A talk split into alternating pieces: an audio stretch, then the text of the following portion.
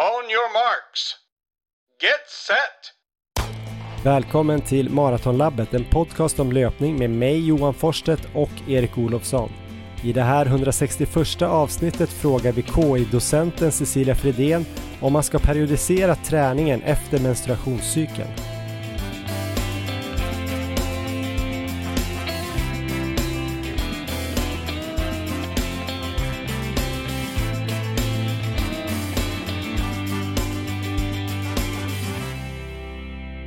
Men då ska ni vara välkomna till avsnitt 161 av podcasten Maratonlabbet. Eh, kanske ett avsnitt som kommer andas lite semester för det här är ju mitten av sommaren och eh, Erik Olofsson, du är inte i Uppsala.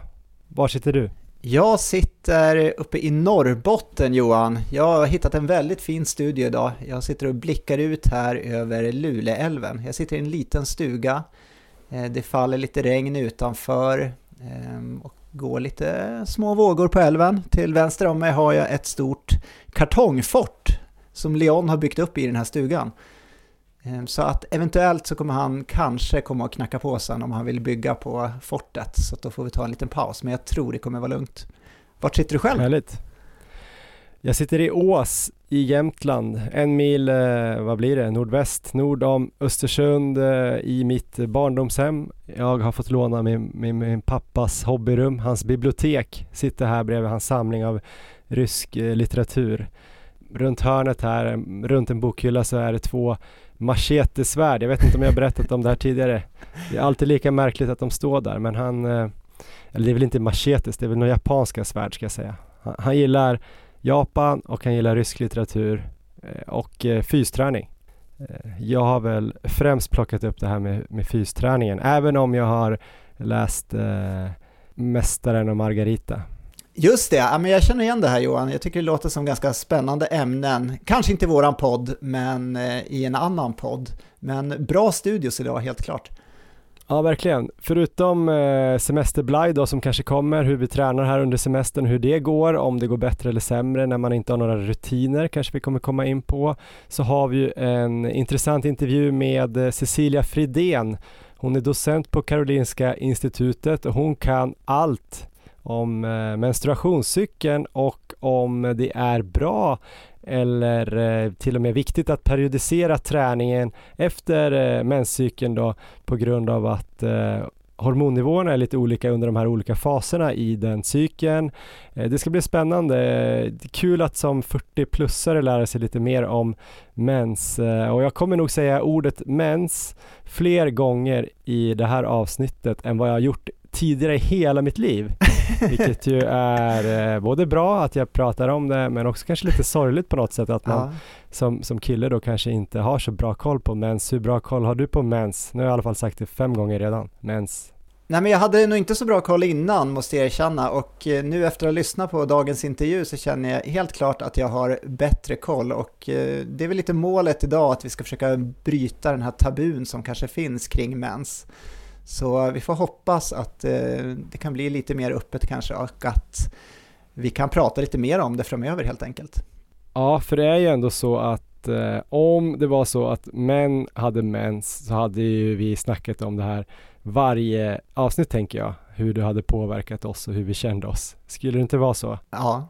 Vi kommer även i det här avsnittet eh, kolla läget med en av våra två adepter. Idag är det Kajsa Borman som är på tur hon har varit ute och vandrat i norska fjällen. Det är ju sjukt vackert. Vi får väl se och höra då om hennes vrist har pallat för eh, vandring. Hon har haft lite problem eh, med en skadekänning ju. Vi får se om det är på, på väg eh, att bli bättring där. Hon sprang ju snabba intervaller på Bislett stadion där i Oslo, bara en sån sak. Det ska bli kul att snacka med Kajsa och de här två adepterna som vi har, har ju vi då i ett samarbete med Ramboll Stockholm halvmaraton. Eh, Kajsa och eh, Sandra Nordenhage ska ju springa det 9 september. Vi har också ett samarbete med Adidas som nyligen har släppt Adizero Boston 12 och vars Adizero-skor eh, generellt får oss att springa snabbare. Mer om det senare.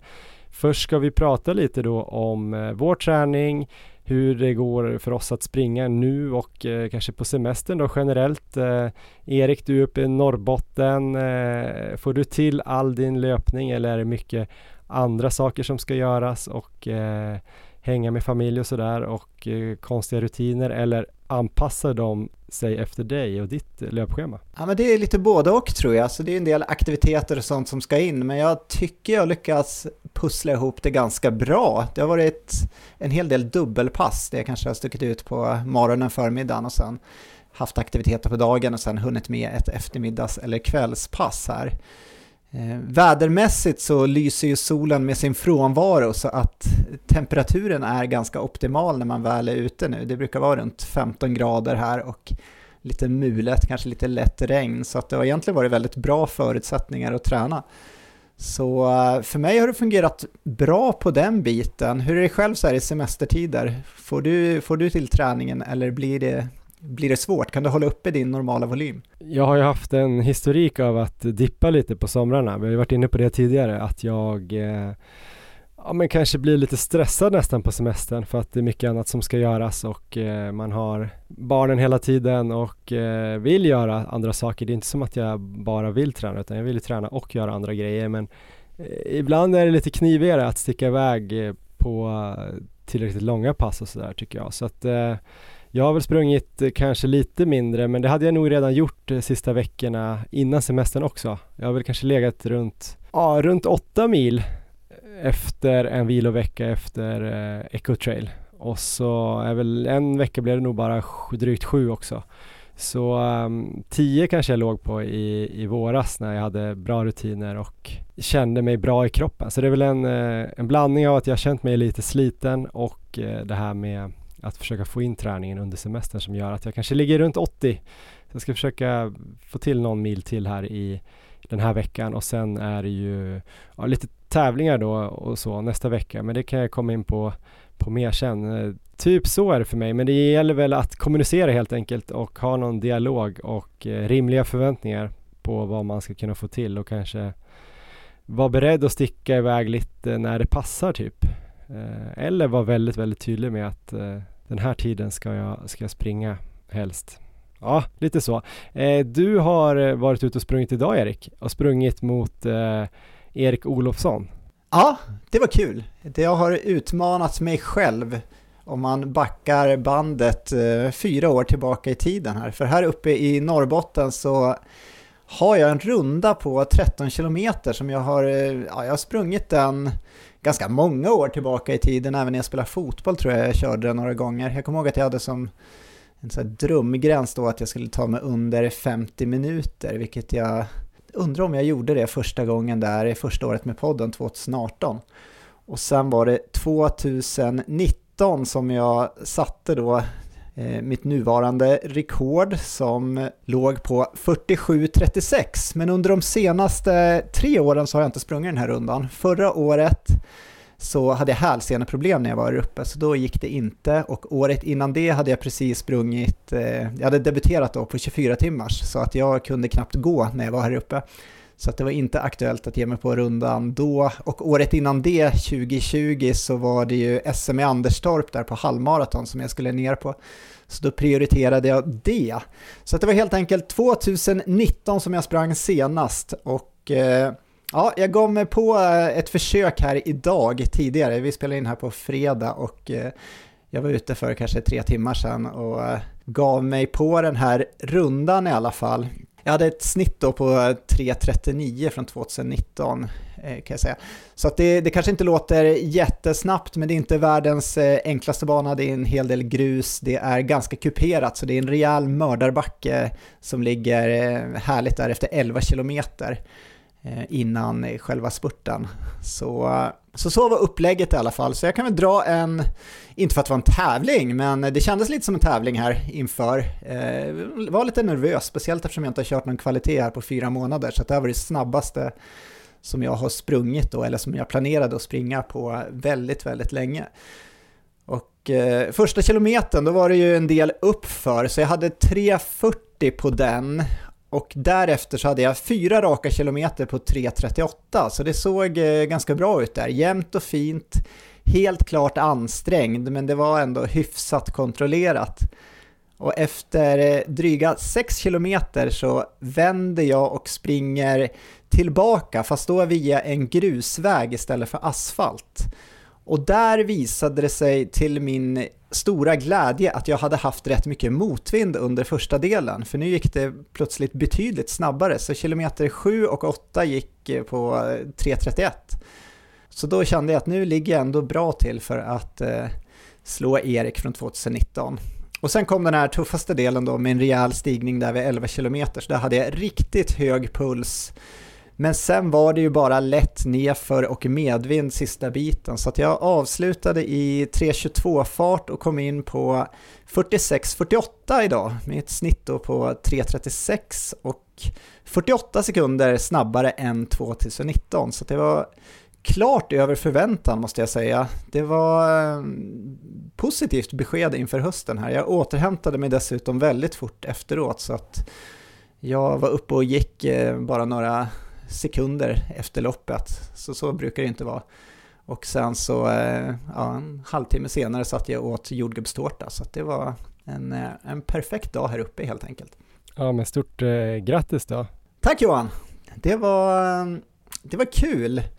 Eh, I övrigt så har jag inte så mycket att rapportera från min träning. Jag försöker väl kanske ligga nu på 15 mil ungefär. Jag har börjat introducera lite kvalitetspass förutom det här så att det har lite backpass som jag känt har varit lagom att börja med. Jag hade något pass i början på veckan med 6 gånger 1 kilometer och då låg jag kanske på 3.44 snitt så att det var ganska snällt.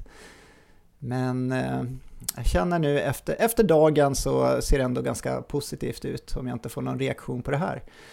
Hur är det själv med eh, ska vi säga, den specifika träningen här inför eh, fjälllopp? Vi vet ju ungefär hur mycket du har tränat, men eh, hur mycket backar, hur mycket kuperat och hur har känslan varit? Ja, men jag är väl inne i en sån här period där det är väldigt stor skillnad på känslan från pass till pass och även på motivationen från pass till pass skulle jag säga.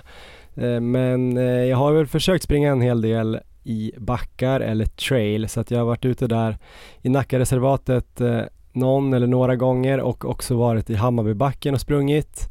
Eh, sen har jag varit i Torpet en vecka då ute eh, i Uppland, västra Uppland. Där är det väldigt, väldigt platt men det finns en eh, gammal slalombacke drygt en mil från eh, vårt torp. Eh, så vi hade någon utflykt eh, förra veckan där vi var på någon eh, bondgård slash café slash mysigt där vi käkade lunch. Och sen då blev jag avsläppt på vägen till eh, ja de andra skulle åka och bada. Det var Emma syrra och hennes familj och vi. Så de åkte och badade och jag fick eh, straffträning. Då var det ju fortfarande varmt och, och sådär. Eh, sprang med den här västen och eh, mådde inte så bra. Men väl när jag kom till den här slalombacken då så, så kändes det ändå rätt kul. Det kändes som att eh, Backe tror jag att jag inte riktigt fattar om det är en dålig eller bra känsla, för det är lite halvdålig känsla hela tiden när man springer uppför och det är svårt att mäta med någon annan. Alltså snittet på tiden säger ju inte så himla mycket. Så om jag har hög puls så vet jag inte riktigt om det går snabbt eller inte. Så det var lite härligt. Sen eh, sprang jag hem därifrån och det var väl typ 16 kilometer. När du kör backe Johan, kör du bara löpning i uppförsbacken eller är det någon gång du kör så här promenad upp? För jag tänker på de här tuffaste partierna på fjällmarer så behöver man väl gå också. Är det någonting du tränar på? Jag har inte riktigt sprungit i så branta långa backar utomhus i alla fall så jag har inte behövt riktigt göra det då det känns lite märkligt att träna på det men jag förstår att det skulle kunna finnas en poäng i att göra det. Någon gång på, på löpbandet när jag kört eh, kontinuerlig backe och tryckt upp eh, lutningen på max då har jag någon gång känt att det har funkat att testa att gå så här du vet med, med armarna på benen. Eh, power hike eller vad det kallas. Uh, för jag vet att jag har sprungit något sånt där lopp och folk har bara gått förbi mig i dubbel hastighet när jag också har gått. Och det ser helt sjukt ut. Så att jag kanske borde bli bättre på det och få upp frekvensen lite i min gång. Men eh, vi får väl hoppas att jag kan springa upp för alla backar i nästa vecka, både på orienteringen då, jag ska ju springa O-ringen i eh, trakterna runt Åre och sen blir det ju Salomon 27K. Men eh, än så länge mest sprungit och sen försöker trycka på lite utför och hitta någon typ av bra flödande stil utför där jag inte kanske släpper på för mycket men heller inte bromsar och slår sönder låren. Så det är lite knivigt det där, för det är rätt mycket utförslöpning i Salomon 27K. Jag tror till och med att det är mer utförshöjdmeter än uppför. Så att eh, där kan man nog vinna mycket tid, speciellt på slutet då. Och det viktigaste är ju att inte få kramp då precis inför den lätta, lätta delen som jag fick i fjol. Men så det har blivit en del sånt och sen har jag väl eh, dessutom då haft eh, pass på bana, alltså 400 har jag sprungit också på löparbana. Jag tänker att jag ska bibehålla något platt snabbare pass för att eh, jag börjar känna att jag Eh, jag vet inte, jag behöver nog eh, jobba lite och bibehålla snabbhet också när jag håller på med alla de här backarna. Alltså jag känner att jag har tappat lite klippet i steget. Det kan vara mentalt också, jag har inte provat det. Men eh, så jag har kört lite 400 då, sådana här med 30 sekunders vila, typ tröskelansträngning i princip. Så nu här i veckan så körde jag, innan vi åkte upp här, så körde jag på Heby, IP hette det inte, Tegelvallen i Heby. 25 gånger 400 med 30 sekunders vila, typ 3.30 fart, så tröskelkaraktär. Men eh, det var första gången jag tror jag stod ut i 25 gånger 400. Jag tror aldrig att jag har gjort de här 25, jag har alltid gjort så här 20 eller 22 eller 21 eller sådär. Eh, eller typ gjort så här 18 och, och sen eh, ledsnat och kört typ 6 gånger 200 eller något sånt där efteråt. Men eh, ja, så att det, jag gör en del bra pass om vartannat. Men sen har jag också så här distar som jag bara känner så här, ah, det här känns ju helt meningslöst. Jag borde bara åka och bada istället. Men eh, så brukar jag mitt i någonstans ändå känna att det är härligt och lossna lite och eh, skönt efteråt sådär. Så det är väl lite det där eh, som man snackar om att man inte ska gå och vänta på motivationen jämt. Man kanske inte har lika hög motivation hela, hela året utan man får väl lita till eh, rutinerna och köra på så kommer kanske motivationen utifrån det när det plötsligt släpper. Det har varit några faktiskt pass här uppe i, i Ås som har känts lite bättre. Alltså att distarna har känts lite mer att jag inte tänkt så mycket på fart, kanske kollat att jag ligger bra i puls och ansträngning och sen har jag märkt efteråt att, att det har gått fortare än vad det gjort de senaste veckorna. Det kan ju vara så att jag fortfarande har lite liten slitenhet efter Ecotrail. Så är det nog. Du borde ha en referensrunda där på sommaren i Ås. Du har inget sånt som du kan eh, ge dig på där varje sommar? Nej, men jag kanske borde ha det. Det enda jag har gjort här är väl att jag har tagit några eh, segment i byn. Jag funderar på om jag ska gå in och kolla om jag fortfarande har kronan där eller om jag måste försöka ta tillbaks någon. Men det har mer varit så här, du vet en backe 800 meter 10-15% stigning eller någon så här kort tusing i 3.05 fart eller något. Så det känner jag mig inte skitsugen på just nu. Men jag borde haft en sån där lite längre. Vi får väl se. Det blir nog något pass efter att ha spelat in här. Ja, som jag nämnde lite där i inledningen så har ju vi ett samarbete med Adidas eh, nu i vår och eh, sommar. Vi har ju sprungit med de här Adizero-skorna alltså Adizero-familjen. Adizero Boston, Adizero SL, Adizero Takumi Sen, Adizero Adios Pro 3, Adizero, vad har vi mer? Prime X Strang och sen finns ju också Adizero Adios som vi inte har sprungit i. Eh, jag har inte kunnat ta med mig hela familjen upp här för att eh, det blev för många skor i bilen. Men jag har eh, Boston 12 och Adizero Adios Pro 3. Ett gammalt par som eh, hänger i väldigt, väldigt bra. Jag tror jag haft dem i nästan två år. Sen har jag några fräscha som jag ska använda till lite lopp här framöver som väntar på mig i Stockholm. Eh, du kan också vittna om att det är bra hållbarhet i Adizero Adios Pro 3. Verkligen. Jag sprang ju idag i den på min eh, 13 km runda här och jag har även använt just det här paret. Eh, till att börja med så tränade jag lite i dem och sen så sprang jag SM i 24 timmars i dem så det var väl Ja, åtminstone en 22 mil där i de skorna. Sen sprang jag även SM i 100 km i samma par. Där sprang jag bara halva, så det var 5 mil. Men sen var jag väl i Sala och sprang 9 mil i samma par och sen så hade jag dem på Echo Trail också och där var det ju i all, alla underlag eller på att säga. Det var grus och det var trail och det var asfalt också så det var ju 8 mil där. Eh, sen så har jag fortsatt träna i dem, så att idag var jag lite orolig, men det var, kändes ändå som det snabbaste paret jag hade med mig. Eh, och de eh, var ju uppenbarligen väldigt snabba idag med här när jag slog mitt rekord från 2019 och framförallt så håller de så väldigt bra trots alla de här milen och även då i trail och på grus så är Sulan ja, nästan som ny. Och det har jag verkligen inte upplevt till exempel när jag har sprungit i Vaporfly som ju har känts som att den har börjat smulas sönder efter kanske en 20 mil sådär. Så att eh, hållbarheten eh, är ju riktigt, riktigt bra och helt uppenbarligen så eh, går det att springa snabbt i dem också efter väldigt många mil och det är ju en, tycker jag, oerhört viktig faktor när man lägger så pass mycket pengar som man får göra nu på tävlingsskorna. Då vill man ju att de ska hålla riktigt länge. Ja, och inte bara i eh, tävlingsskorna tror jag, även eh, distansskorna eller framförallt då Adizero Boston håller ju väl, väldigt bra. Jag fick ju nyligen hem Adizero Boston 12 och hade redan ett par Boston 10 och Boston 11 så jag tänkte i alla fall att Boston 10 skulle bli pensionerade, tänkte att de var riktigt slitna, jag har sprungit ändå ganska många mil i dem. Eh, kollade på sulan och de eh, ser knappt använda ut. Så att eh, de får nog gå vidare till någon annan för eh, man ska ju inte slänga skor i onödan tänker jag. Eh, ja, bra skor, Adizero-familjen, Adidas, tack så mycket. Vi ska också fortsätta att göra lite, eh, vad säger man, reklam Erik för vår egen resa till eh, Vålådalen, till Jämtlandsfjällen. 15 till 17 september har vi tänkt åka. Vi har gjort det här två gånger tidigare och Erik, hur tycker du att det har varit? Ja, det har varit supertrevligt. Det finns ju fantastiska runder där uppe i Jämtlandsfjällen. Eh, och själva anläggningen där vi ska hålla till där på Vålådalen också är ju riktigt, riktigt härlig. Det är ju många landslag bland annat som är där uppe och tränar. Så eh, ja, jag ser fram emot det här massor. Gunder Hägg byggde ju upp sig eh, till sin storhet här uppe bland annat och även Nils van der Poel har ju tränat mycket här uppe. Så att det känns som att vi kan bli bra. Kanske inte räcker bara med tre dagar egentligen, men det räcker ju för att få inspiration och eh, ha en jäkligt trevlig helg i alla fall.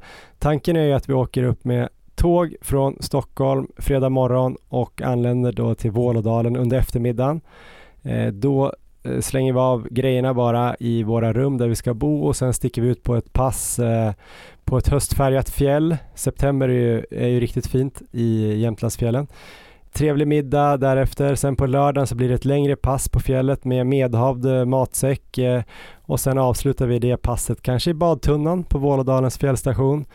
Eh, det är väl där någonstans din inspirerande föreläsning kan komma in Erik. Antingen blir det lite mer informellt i badtunnan med en god dryck i handen eller så kommer vi styra upp någon liten kanske konferenslokal om du vill ha med powerpoint och visa så här äh, schyssta målgångar där du eh, vrålar och sånt. Och kan bli bo både och tror jag. Ska vi nog ja. ordna. Eh, sen söndag brukar det vara lite eh, styrkeworkshop i gymmet där bredvid gympasalen efter frukost och sen ett sista löppass då innan lunch och sen åker vi hem från Undersåker någon gång vid fyra snåret och hemma i Stockholm igen runt 11 och eh, man kan såklart hoppa på och hoppa av det här tåget på vägen upp om man bor längs vägen mellan Stockholm och Undersåker. Det går även att eh, ta sig dit själv om någon skulle vilja det.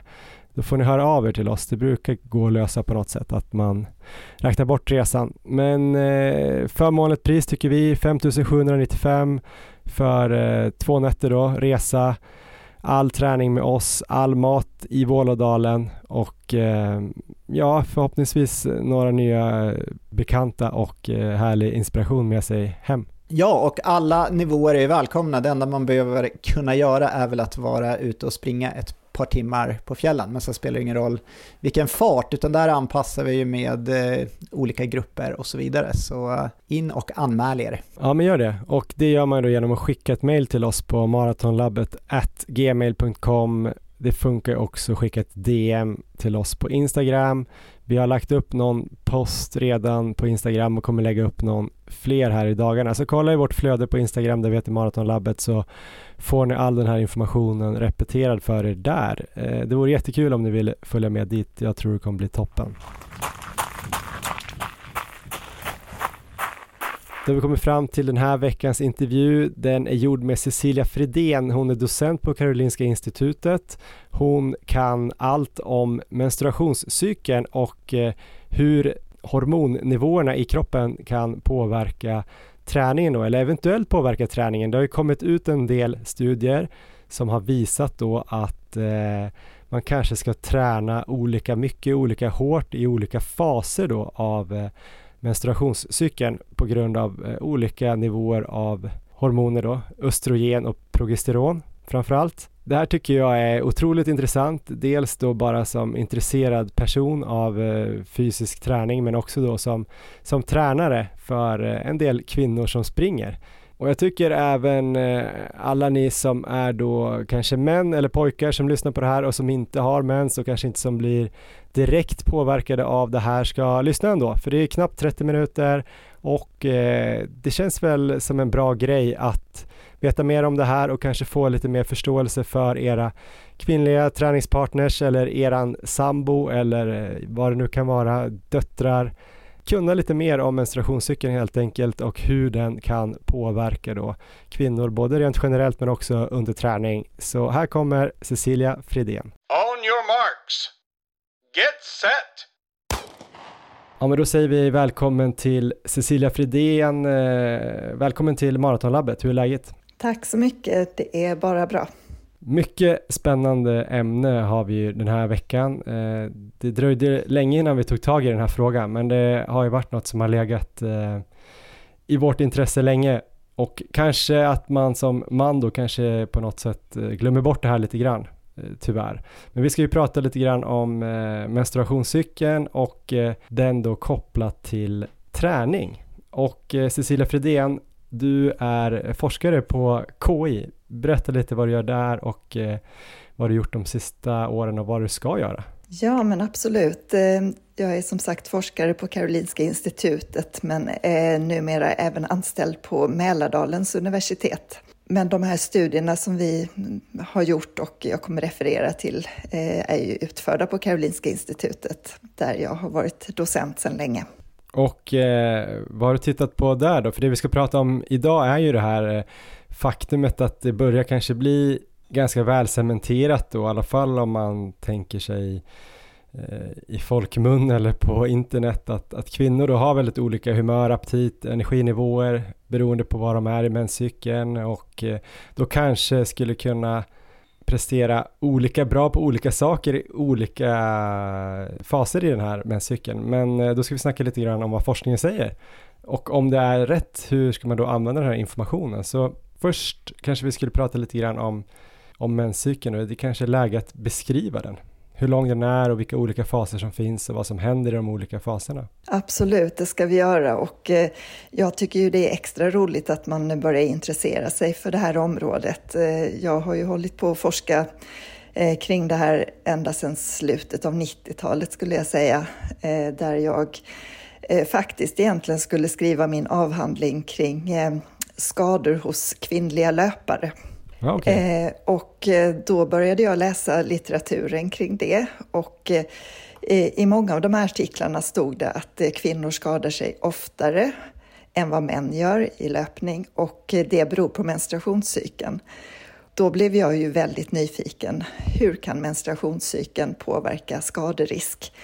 Så ehm, jag gick till min dåvarande eh, handledare och sa att eh, ja, men, eh, löparskadorna var jag inte lika intresserad av längre utan jag ville veta hur menstruationscykeln kan påverka både skaderisk men också fysisk prestation. Och, ja, så, eh, så då gled jag in på det området som var ganska nytt på den tiden.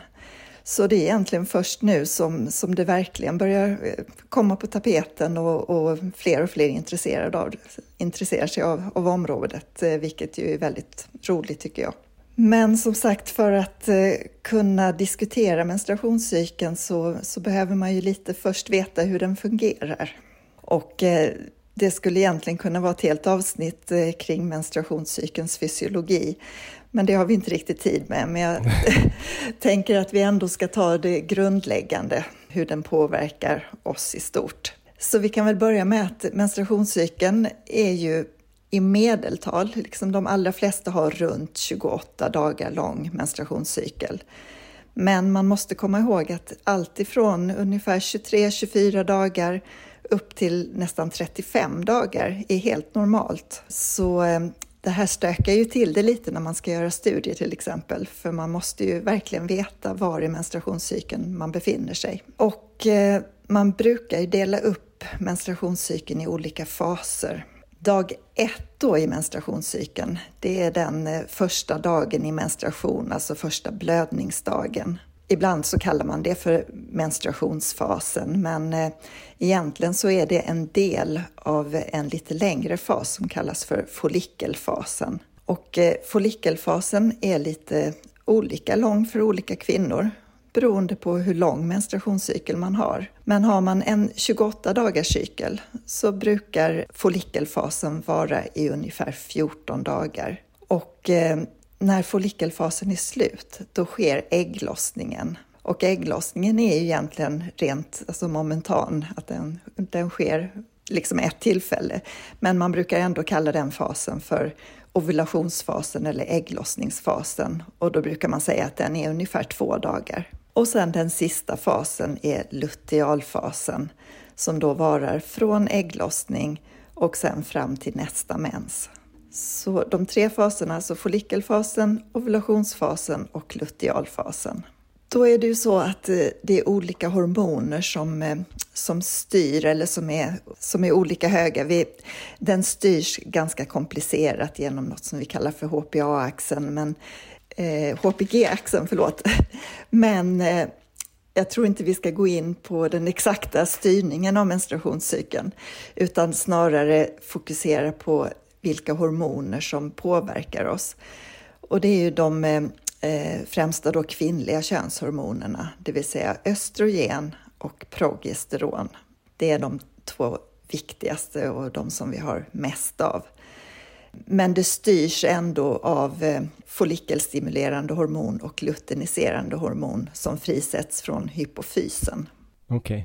Men under menstruation, då är båda de här hormonerna, östrogen och progesteron, de är väldigt låga och är låga under menstruation för att sen successivt öka.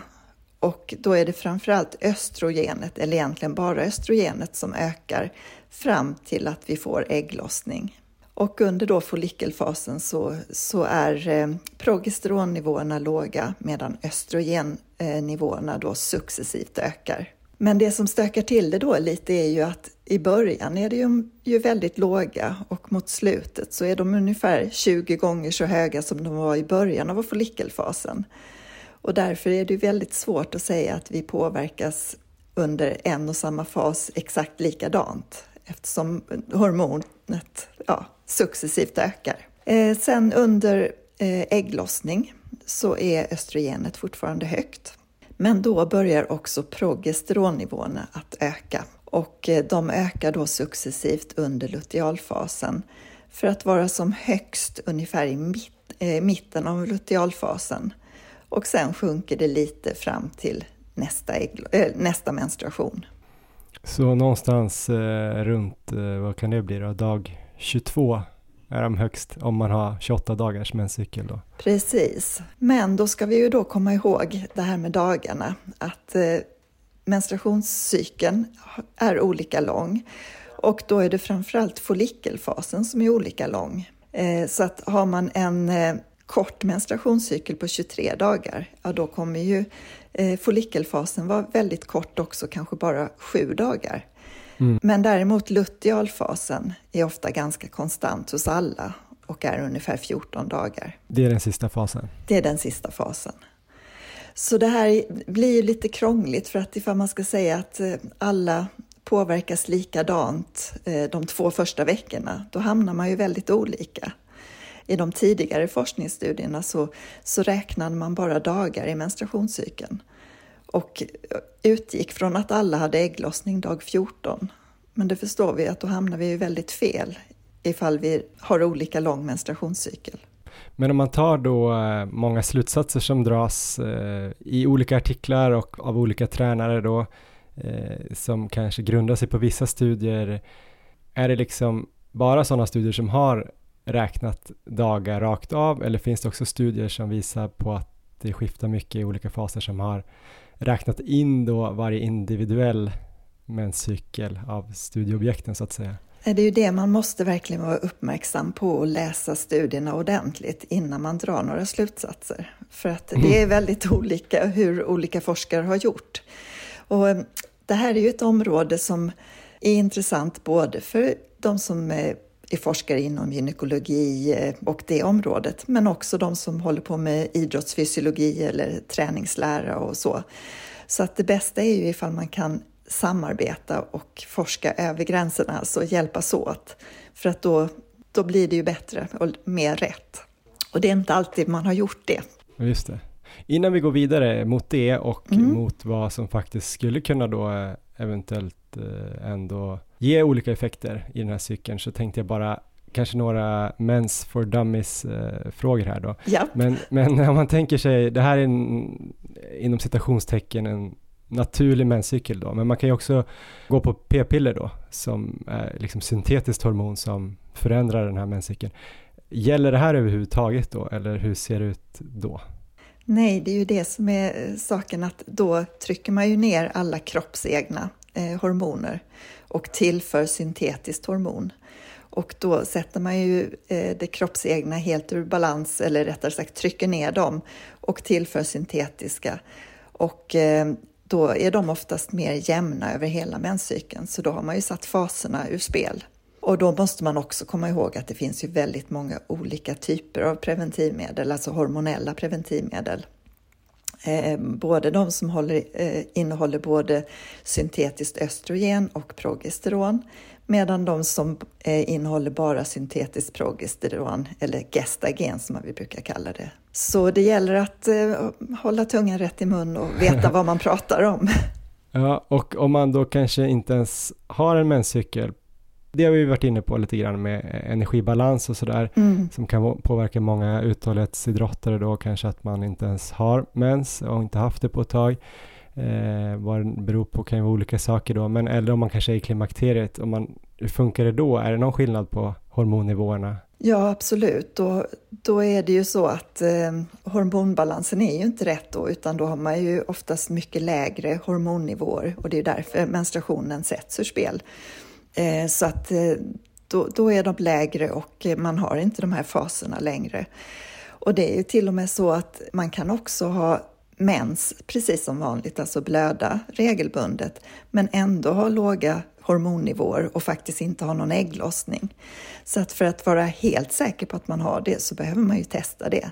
Antingen i blodprover eller i urinprov med så kallade LH-stickor där man kan mäta det här luteiniserande hormonet som är som högst precis vid ägglossning. Det är det här som gör att det blir så svårt att, att dra säkra slutsatser. Man måste verkligen titta på vad studierna vad de har inkluderat för försökspersoner och så vidare. Men teorin bakom det här då när man skulle vilja titta på det här är ju på något sätt att de här hormonerna är på olika nivåer under olika faser då hos mm. en kvinna. Men vad gör östrogen och eh, progesteron och liksom hur skulle det teoretiskt sett då kunna påverka vilken träningseffekt man får?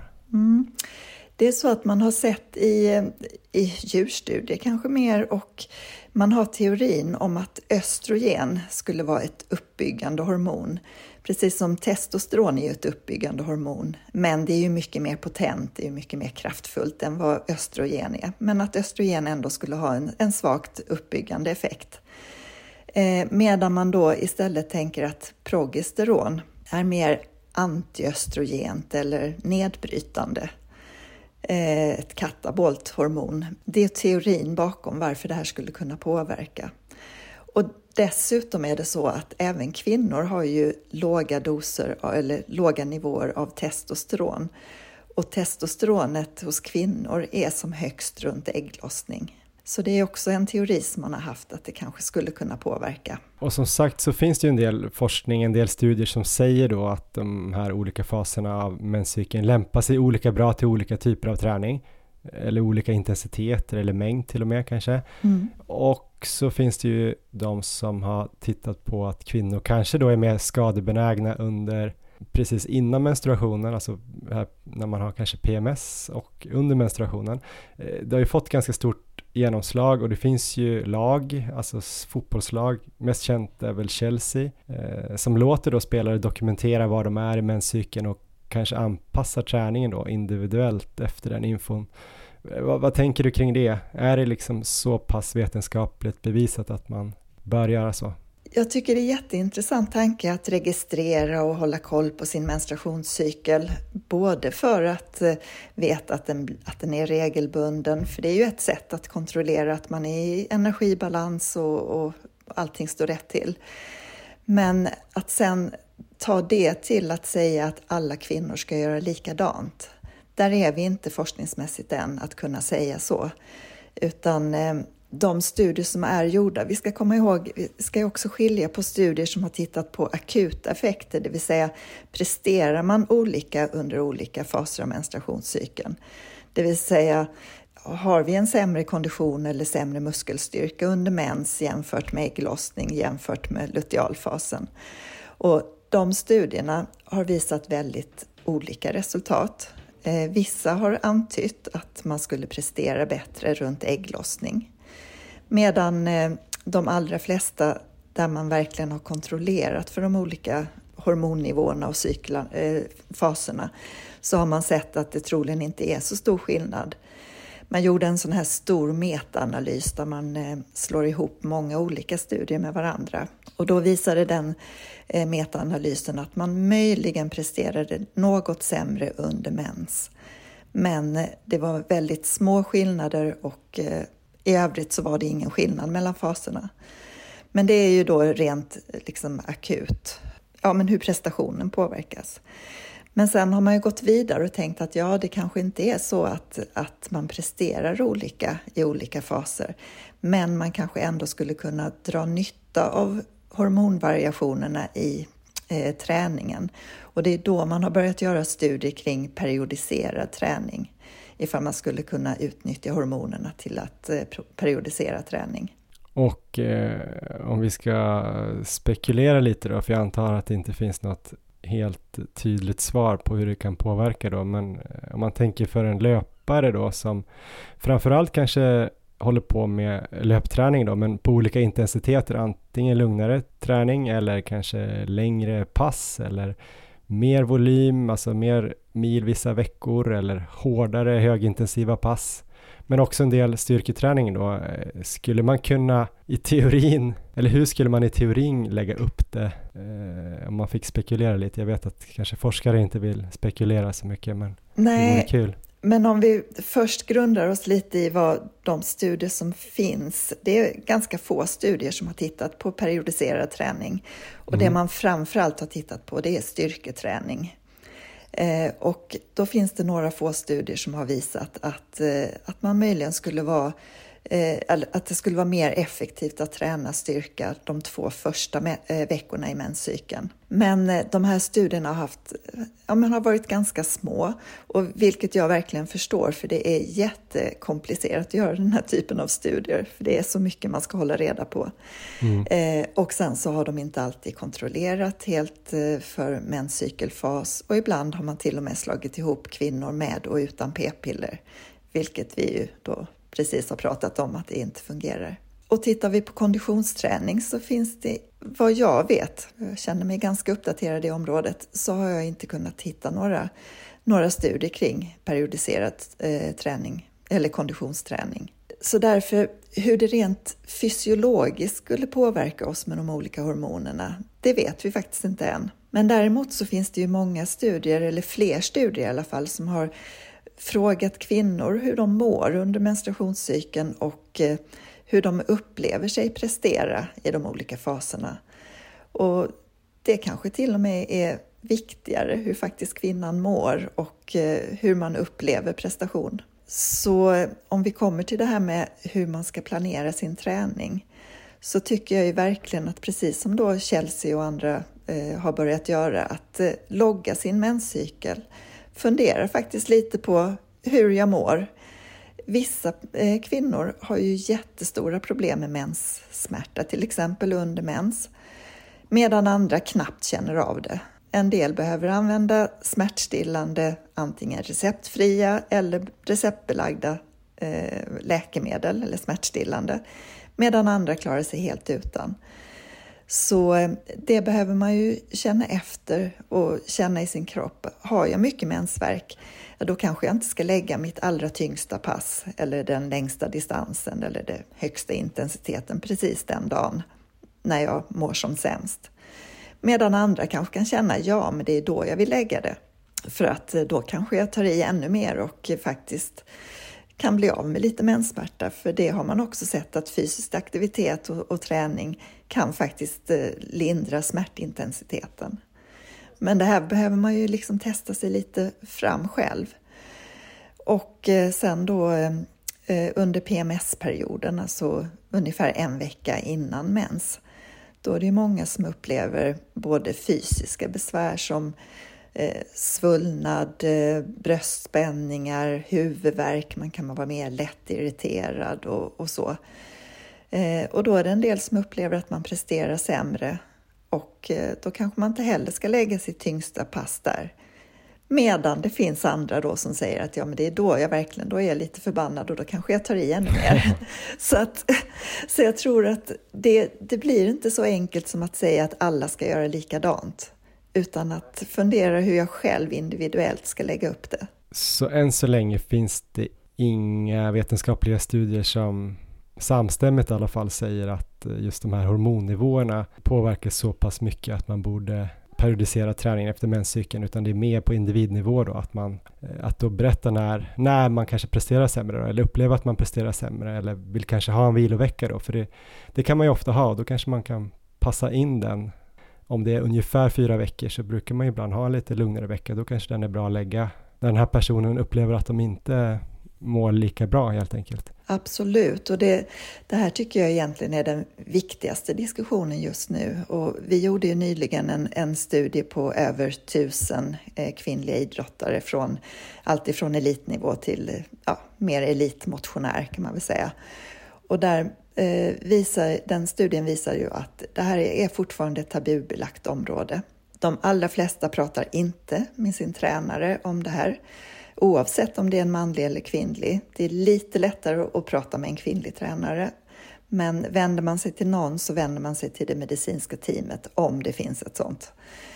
Eh, eller så pratar man med kompisar eller föräldrar eller, eller så. Men tränaren pratar man inte med. Vi har också gjort en, en intervjustudie där det finns de som uttrycker att ja, hellre än att säga att jag har mensvärk så säger jag, eller så biter jag ihop och kör ändå. Eller så, så skyller jag på någonting annat. För det vill man inte säga, för då anses man svag. Så att det här är väl kanske det viktigaste budskapet än så länge när vi faktiskt inte vet mer, är att vi behöver bryta den här tabun. Vi behöver utbilda både aktiva och tränare inom området så att det inte blir så känsligt att prata om. De här resultaten har ju, har ju spridit sig ganska mycket inom idrottsrörelsen där många har i sina utbildningar att man ska periodisera träning. Det står i många utbildningsmaterial och eh, det, det tycker jag inte att man ska gå ut och säga än, men däremot prata om menstruationscykeln, prata om upplevelsen och kanske periodisera träningen, men då utefter individen och inte efter hormonerna. För ska vi göra det så behöver vi också kanske periodisera, alltså att säga att de två första veckorna är likadana. Ja, det, det är de ju inte, för de, under mens har vi jättelåga hormonnivåer och sen stiger det gradvis. Så då kanske vi behöver tänka olika under alla 28 dagar egentligen. Mm.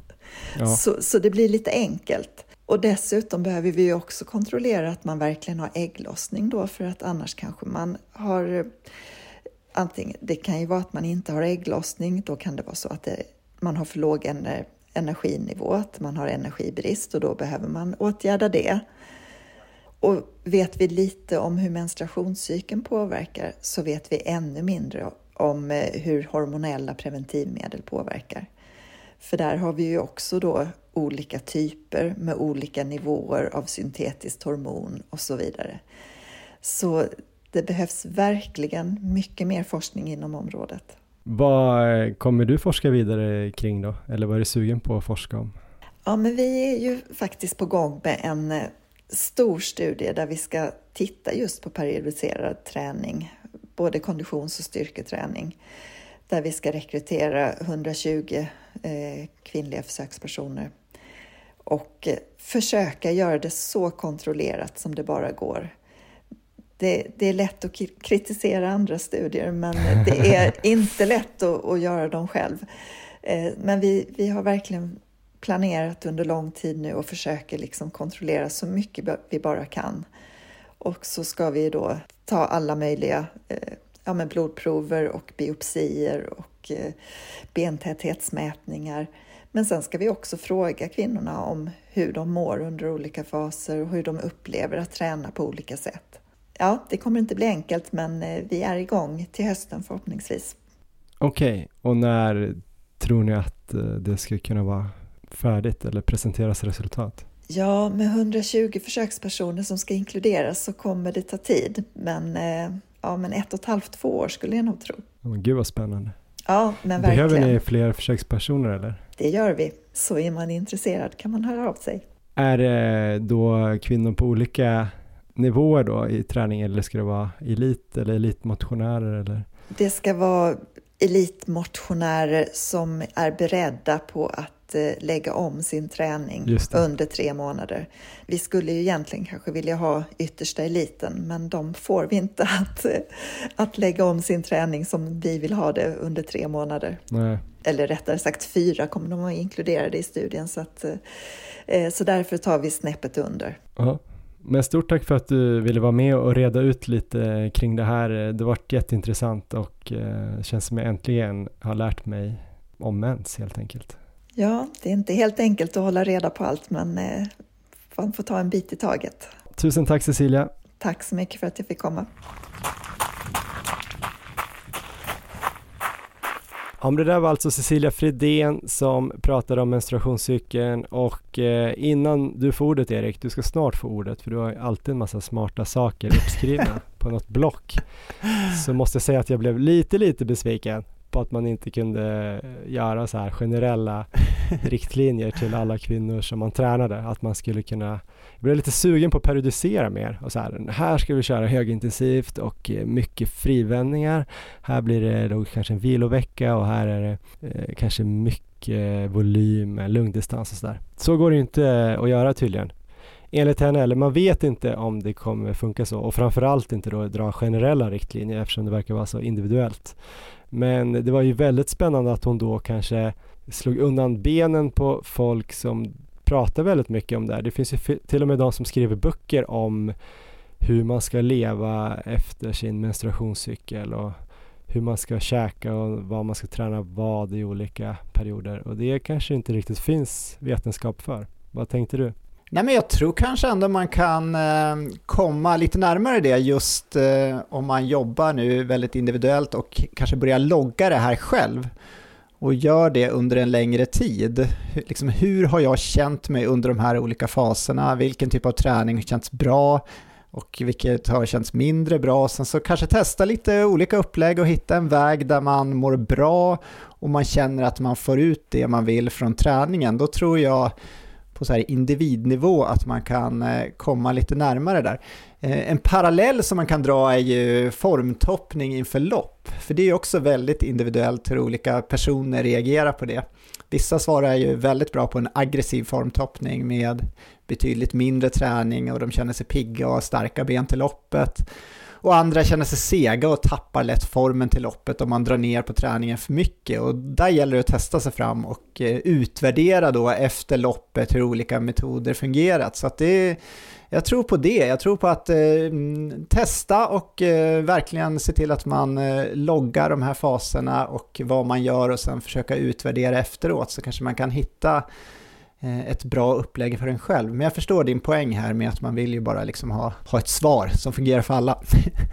ja, men jag tyckte det hade varit spännande på något sätt. Men eh, det här var ju ett svar så gott som något eh, egentligen. Och man fattar ju att eh, man kanske presterar sämre vissa dagar i månaden om man har kanske väldigt mycket mensvärk eller så som Cecilia var inne på så kanske man kan springa ännu hårdare då för att man vill typ springa bort det eller så. Men det, det kan ju vara andra saker i livet också som gör att man presterar sämre vissa dagar så att det är väl lika normalt att prata om det här som att man kanske har topp toppar på jobbet eller så här, att man har sina barn den här veckan om man är ensamstående eller liknande. Det, det tycker jag också att man kan ta med sig. Att man liksom inte behöver hitta på någonting utan man kan berätta som det är. Att så här brukar jag må den här perioden. Därför kommer inte jag prestera lika bra. Ja, det tror jag är jätteviktigt, att bryta den här tabun som kanske finns och har funnits. För det borde ju vara ett ämne som anses viktigt och där man vill hålla en öppen dialog för att kunna optimera träningen. Johanna Hagström, skidåkaren, fick ju mycket uppmärksamhet här i vintras när hon pratade om det i intervjuer. Så att det är bara att hoppas att fler elitidrottare gör detsamma framöver så kommer det säkert kunna bli ett ämne som man pratar mycket öppnare om. Och det, det kommer ju gynna alla och både du och jag då som tränar många tjejer, kvinnor, vi borde säkert kunna göra ett mycket bättre jobb där och eh, försöka liksom individanpassa träningen mer efter det. Så att jag kommer definitivt ta med det framöver i tränarrollen också här. Sen får vi verkligen följa upp den här studien som eh, Cecilia jobbar med här när resultaten kommer. Det blir riktigt intressant att se. Och nu ska vi prata med en av våra två adepter inför Ramboll Stockholm halvmaraton den 9 september. Vi ska prata med Kajsa Borman som ju har ett mål att springa Stockholm halvmaraton under 1.30. Det började väldigt bra tyckte jag. De första fyra veckorna så ökade hon eh, volymen väldigt försiktigt. Hon la in lite eh, lättare kvalitet och eh, jag tyckte att hon skattade alla sina pass typ som en tre eller fyra, även om hon körde kvalitetspass. Så det kändes som eh, hon lekte med passen. Men sen plötsligt fick hon en känning i ena vristen och eftersom hon har haft problem i samma område tidigare så har det ju varit lite um, svårt att gå vidare. Det har varit väldigt försiktigt med träningen men för någon vecka sedan så fick hon ändå grönt ljus för att fortsätta träna och trappa upp lite grann och eh, vi ska kolla hur det har gått med det och om hon eh, fortfarande kan springa. Det här är alltså Kajsa Borman. On your marks. Get set. Ja men då har vi lyckats få tag på Kajsa Borman som sitter i en bil någonstans i ett naturskönt område i vårt västra grannland Norge. Hur är läget? eh, jo, det är bara bra väldigt fint och väldigt regnigt här i Norge. Men mest fint. Ja. Eh, det är väl du och din eh, sambo Viktor som är ute på semester. Vad gör ni och eh, hur mår vristen? Måste man ju också få fråga. ja, jag skäms lite inför det här avsnittet, eller inspelningen. På grund av att vi först, vi bilade runt i Norge och först var vi då i Oslo och där sprang vi ett intervallpass båda två, lite olika. Eh, och jag sprang mitt intervallpass då som du hade gett mig och det gick lite snabbt. Eh, för att ja. bristen kändes väldigt bra när jag eh, körde där. Eh, men sen några timmar senare så kände jag den lite eh, igen. Men inte något jättefarligt. Eh, jag tror att jag hade lagt jätte, jättesnälla intervaller, 800-400 i typ 4.30 fart, mm. alltså långsammare mm. än än vad din tänkta halvmaratonfart till och med och så bara 400 och så ja. ganska lång vila tror jag, en, en minut. Men det ja. kanske var det som sket sig då, att du fick för lång vila så att ja. du var tvungen att springa i, vad var det, 3.45 istället för 4.30. Ja, och det var verkligen inte meningen. Jag trodde typ att det kanske gick i fyra tempo, men ja, ja. ja. ja så blev det. Men eh, varför skäms du för det då? Nej men för att det känns inte alls eh, smart. Jag kände ju vristen lite efter, vilket jag såklart inte så ska det inte gå efter passen utan jag vill ju att det ska kännas likadant som innan eh, jag startar ett pass. Så ja, det känns onödigt eh, snabbt. Men eh, ja, det är inte hela världen. Du ska inte gräva ner för det, hör du. Och eh, viktigast är väl frågan då hur, hur det känns, hur det har känts efteråt och så här, har det blivit eh, sämre eller har det gått tillbaka så att det är helt okej okay känsla eller? Det är helt okej okay känsla. Eh, det är svårt att bedöma för dagarna efter nu så har jag och Viktor varit ute och vandrat och haft ganska långa dagar, alltså 8-9 timmar och vi har gått med liksom ganska mycket packning och så vidare så det är inte heller helt obelastande för bristen. Så då har jag känt bristen lite grann i slutet av dagarna. Men Mm. eh, jag tror att den egentligen är, alltså att det är en positiv trend och att det går väldigt eh, åt rätt håll. Så ja, jag har inte sprungit sen Bislett-passet så jag vet inte riktigt eh, vad status är just nu. Men springer ni någonting eh, i bergen också eller har ni mest vandrat? Vi har, vi har vandrat eh, nu men tanken är väl också, jag får se hur jag ska få ihop det schemat du har gett mig och eh, att det är väldigt fina stigar att springa på. Men vi har inte sprungit än så länge i bergen. Ja men det går väl att tänka sig att du kan springa lite grann, alltså ut efter schemat men göra det i bergen också så länge du inte trycker på allt vad du kan, framförallt Mm. utför då, tänker jag. Eh, så kanske du ändå kan förena nytta med nöje på något sätt. Ja, men hur om man vi säger till exempel så ja men du har lagt ett pass som är 10 km distans. Om jag då springer 10 km fast det också är väldigt mycket höjdmeter, då blir det passet mycket längre. Alltså hur skulle man översätta till exempel ett eh, 10 km distans till ett pass med höjdmeter? Ja men då kanske du borde tänka på tiden om, Ja. om det där 10 km passet hade gått i 5.30-5.40 Ja. fart så kanske det är typ att du ska springa i 55 minuter eller en timme max då Ja. egentligen. Men du kanske kan ehm, göra någon kombination av att springa och gå Ja, typ. Eh, Jag tänker ibland, har man lite tur så kanske ehm, att du springer lite varierat eh, på, alltså varierat underlag, lite upp för Mm. ner för lite Kanske någonting som gör att du inte tänker på vristen lika mycket, att det inte är så monotont, att det kanske på något sätt släpper lite Mm. mentalt. mm, Eller så blir det ännu mycket jobbigare för vristen och så blir det Mm. ännu värre. Men du får väl eh, vara väldigt lyhörd tänker jag. Ja. Tänk ändå att du kanske kan använda Viktor som att du får dubbelkolla med honom hela tiden. Han känns ju ändå som att han, han kan hålla, hålla lite koppel på dig eller? jo absolut. Jag fick en, en utskällning lite grann efter Bislett till exempel. Eh, ja, så att jo, han håller nog ett litet koppel. Men så får vi väl se då. Vi tänker väl ändå att du, du har ju några pass. Nu spelar vi in det här i, några dagar innan vi släpper det här. Så Mm. förhoppningsvis kan du köra några pass nu där det inte blir sämre i alla fall. Mm. Förhoppningsvis eh, att det fortsätter att bli bättre. Mm. Då kan vi fortsätta vår upptrappning då nästkommande två veckor och eh, när du är tillbaks då från den här trippen så Mm. kanske, kanske om vi har riktigt tur så kan du vara tillbaks i, i någorlunda samma träning som du var innan de här känningarna kom. Tror du på det? Ja, jag hoppas det. Det är såklart att jag tror och hoppas. Sen får jag får ta det som det kommer och se hur det går att lyssna på kroppen. Men eh, Mm. jag hoppas. Men hur tänker du kring eh, Salomon 27K? Du var ju anmäld till den. Mm. Det känns ju lite eh, hårt att springa den men det är ju bara om nio dagar när vi spelar in. Jag misstänkte att du skulle ställa den här frågan. Jag vet inte riktigt. Svaret är väl där också att jag på något sätt hoppas att det kanske kan gå. Eh, men med sänkta ambitioner kring hur snabbt det ska gå och så vidare. Men jag får helt se vad jag gör. Okej. Mm. Så nästa gång vi snackar så, så får vi se om det finns någon vrist kvar.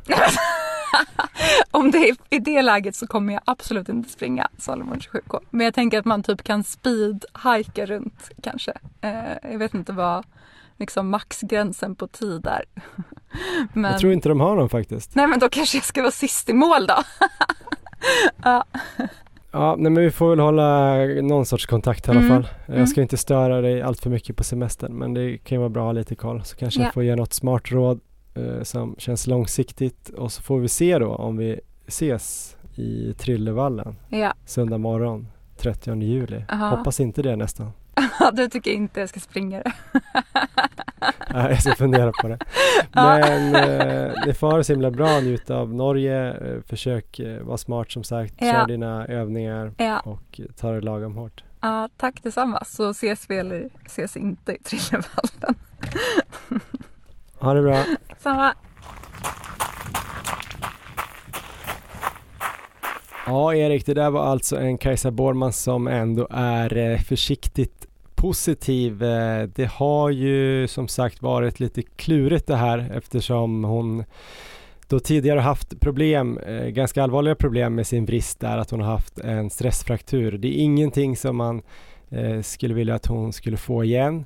Både fysio och eh, kiropraktor har ju ändå eh, undersökt henne och sagt att det inte är en stressfraktur. Men ändå när det kommer en känning i det området så vill man ju verkligen ta det lugnt och det är ju frågan om det är värt att träna henne mot eh, Stockholm halvmaraton så vi får väl gå försiktigt framåt här. Det låter ju ändå positivt att hon har sprungit de här eh, intervallerna på, eh, på Bislett även om de gick lite onödigt snabbt. Det kan man ju ha sina synpunkter om. Eh, men hon fick väl feeling helt enkelt. ja. Och det har Jeff Frydenlund sagt att man inte ska få.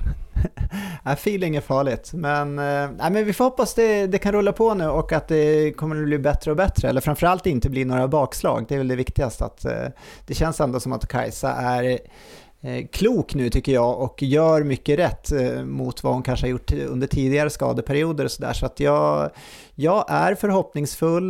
Det, ja, ingen stress nu framöver utan försöka få sakta då få till den här träningen. Det är ju fortfarande ganska många veckor, om det är sju veckor kvar eller någonting. Så att, eh, det finns ju många bra pass att få in, men kanske se det som en helhet mer än individuella pass. Att eh, få in en kontinuitet i träningen hela vägen fram. Ehm, och sen så får vi, får vi hoppas det rullar på bra och eh, ja, jag tror det finns en bra chans här att eh, Kajsa kommer till start och kan springa bra i Stockholm. Nej, men det gäller att de här eh, en eller två veckorna nu framöver till nästa avsnitt att upptrappningen går bra där som kommer upp i normal volym igen och sen har hon då kanske ja, men runt fyra riktigt bra träningsveckor. Då, då kan det nog bli något riktigt bra ändå för hon har ju tränat på under den här perioden på andra sätt också ska vi tillägga. Så att eh, ja, det, vi ska inte överge hoppet än i alla fall. Eh, det ska bli kul att se om hon kan sy ihop det här och vi önskar henne all lycka till. Erik, hur ser dina planer ut här den närmsta tiden? Har något kul på gång? Några fler eh, gamla Erik Olofssons som du vill slå? Ja, det är kanske om jag ska hem till eh, barndomsorten till Mattmar och ta lite rekord där, bara åka förbi. Det skulle kunna vara roligt, men annars så jag har fått mer smak efter dagens pass måste jag säga. Nu vill jag springa lite snabbt ett tag. Så att, eh, ja, ett millopp vore ganska roligt att få till snart, känner jag ändå. Jag vet inte riktigt eh, när det blir. Jag alltså börjar spana lite här i loppkalendern för 2023 och hetaste just nu kanske är Hässelbyloppet, även om det känns lite hårt en vecka efter Lidingöloppet eh, 30 där som kommer vara ett stort höstmål här. Så eh, ja, det är väl bara att träna på och ja, är det någon som har ett tips på något eh, lite kortare roligt lopp här i augusti-september som jag och kanske Johan skulle kunna springa så är det bara att ni hör av er. Själv då Johan, vad eh, händer nu i den sista uppladdningen här inför nästa lopp? Ja, men jag ska ut på ett eh, lite längre pass nu. Det är ju fredag då som sagt. Eh, vi har ju Salomon 27K nästa söndag. Så det är väl nio dagar innan. Det blir väl kanske sista längre passet. Jag hade väl någon typ av förhoppning någon gång att kanske åka upp och, och provspringa banan. Men jag har insett att det var allt för tidsoptimistiskt med tanke på allt annat jag också behövde göra eller ville göra här i Östersund. Ehm, jag kommer nog springa något eh, lite mer halvmara introducerande specifikt pass typ om du förstår vad jag menar. Något som introducerar lite halvmara fart kanske i ett längre pass. Någon typ av intervaller. Men sen blir det ju då en lugnare dag och sen på söndag så inleds ju O-ringen då, världens största orienteringstävling uppe i, eh, ja men runt Åre kan man väl säga. Det är Trillevallen och Järpen och det är On. Så jag ska ju springa där hela O-ringen är tänkt i en herrar 40-klass då. Så det är väl egentligen tävling då söndag, måndag, vilodag tisdag och sen är det onsdag, torsdag, fredag och så ja, tar det slut där. Så vi får väl se, jag kommer nog anpassa dagarna lite så att kanske söndag går jag lite hårdare löpmässigt, eh, måndag lite lugnare, vila tisdag, sen kanske jag kör hårt onsdagen. Så lite tänker jag ändå på att jag ska vara i bra form för Salomon 27K då. Eh, så att eh, så blir det ju, men det blir ju ganska många tävlingar då. Det blir väl nästan sex tävlingar på en vecka kan man väl säga. Om man räknar in alla orienteringstävlingarna. Ja, det är lite svårt att se dig springa runt där i skogen och ta det lugnt måste jag säga. Jag tror det kommer bli en ganska hård vecka, men eh, du är ju hård Johan, så det kommer du nog fixa. Jag spanade en hel del här på VM i orientering, eh, vi har sagt det förut, men det är en fantastisk tv-sport numera med GPSer och allt möjligt. Så att eh, jag önskar att jag skulle kunna säga att jag blev inspirerad att springa själv, men det såg ganska fruktansvärt ut där i skogen. Det var brant och eh, stökigt, så att jag överlåter det till dig. Jag tror du kommer göra det utmärkt. Ja, men jag tror att det är världens roligaste konditionssport faktiskt, så att jag förstår inte riktigt varför jag inte gör det oftare. Så jag är riktigt taggad på O-ringen. Det enda som jag tänker skulle kunna eventuellt vara var roligare. Det var en annan sport som jag kom på igår på eh, ett distanspass. Att jag tänkte att man springer orientering i, i skogen. Eh, så man ska springa snabbt, man ska hitta, men man ska hitta till eh, olika ställen där man skjuter då, lite som skidskytte. Så man har med sig en pistol när man springer. Och sen så skjuter man då på lite mål på ett ställe då. Och så beroende på hur mycket man träffar så får man antingen straffrunder eller så får man springa vidare till nästa då skjutstation som man måste hitta till. Så det är liksom tre moment. Det är inte bara, bara löpning eller löpning och navigering utan även skytte. Det tänkte jag var en genial sport. Sen var jag på en middag igår när en kille då som har jobbat lite inom militären sa att eh, den sporten redan fanns. Så det är kanske den sporten jag ska börja med. Kommer inte ihåg vad den hette, men det finns tydligen. Någon typ av militärsport så att eh, kanske att det blir ett avsnitt om den om den sporten här framöver. Jag tycker det låter fantastiskt. Lite farligt kanske. Jag tror inte man sprang runt i och för sig med pistolen i den sporten utan vapnet var på plats. Så. Lät skitkul. Så, så det här blev en liten avstickare från vad jag tänkte säga. Men, men eh, visst lät det kul?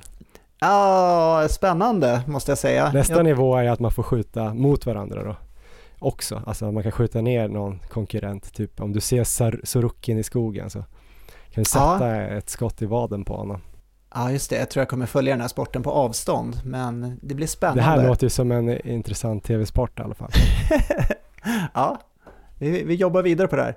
Ja, nej men det blir mycket fjällöpning blir det i alla fall. Det blir ju alltså fem orienteringstävlingar i närheten av fjällen eller på fjället. Det är lite olika de olika dagarna och sen Salomon 27K då nästa söndag som jag hoppas eh, kunna springa bra på. Eh, som sagt, jag är lite mer positiv de sista dagarna här för känslan och så. Så vi får se om jag lyckas disponera det här loppet eh, bättre i år. Ni får väl hålla koll helt enkelt på Instagram då så länge där vi heter Maratonlabbet.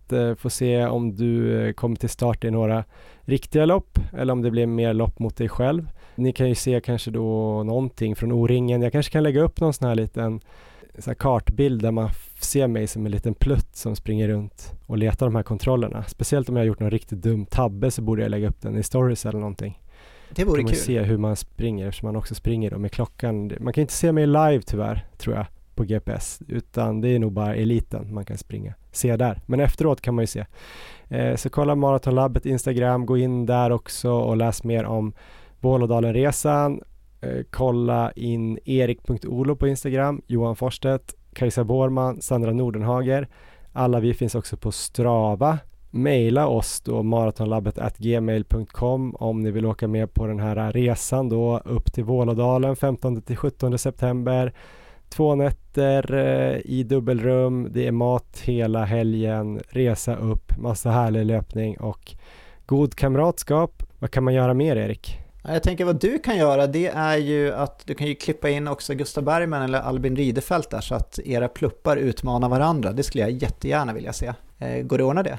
Mm, ja, tyvärr springer vi inte samma banor. Aj. Eller tyvärr för dem då. Precis. Så man inte kan få se hur jävla bra de är och dåliga är. Men eh, nej, de springer nog lite längre och hårdare banor än mig. Men eh, blir kul ändå. Jag har en gång eh, sprungit mot den här eh, Thierry Chouchou, han som var världens bästa orienterare, en fransman. Eh, det var en tävling i Uppland. Jag missade en kontroll och kom till tolvan istället för elvan. Jag märkte det, sprang då tillbaks, hittade elvan och det var en ganska kort sträcka då till tolvan och då hade jag ju, visste jag exakt var tolvan låg. Så då tänkte jag så här, nu ska jag se om jag kan vinna den här sträckan. Så jag sprang allt vad jag kunde genom skogen. Eh, självklart så spikade jag den då eftersom jag visste exakt vart den var. Märkte sen eh, i resultaten då man kan se alla sträckor att jag fick stryk av den här Tri med typ 15 sekunder ändå. så att de är jävligt bra på att springa. Gustav Bergman gör ju sub 30 typ på milen på asfalt. Så springer han typ samma fart i skogen. Det är Skitbra, världens bästa sport. med de orden, tack för det här avsnittet. Eh, Vi hörs i augusti. Lycka till i skogen och på berget.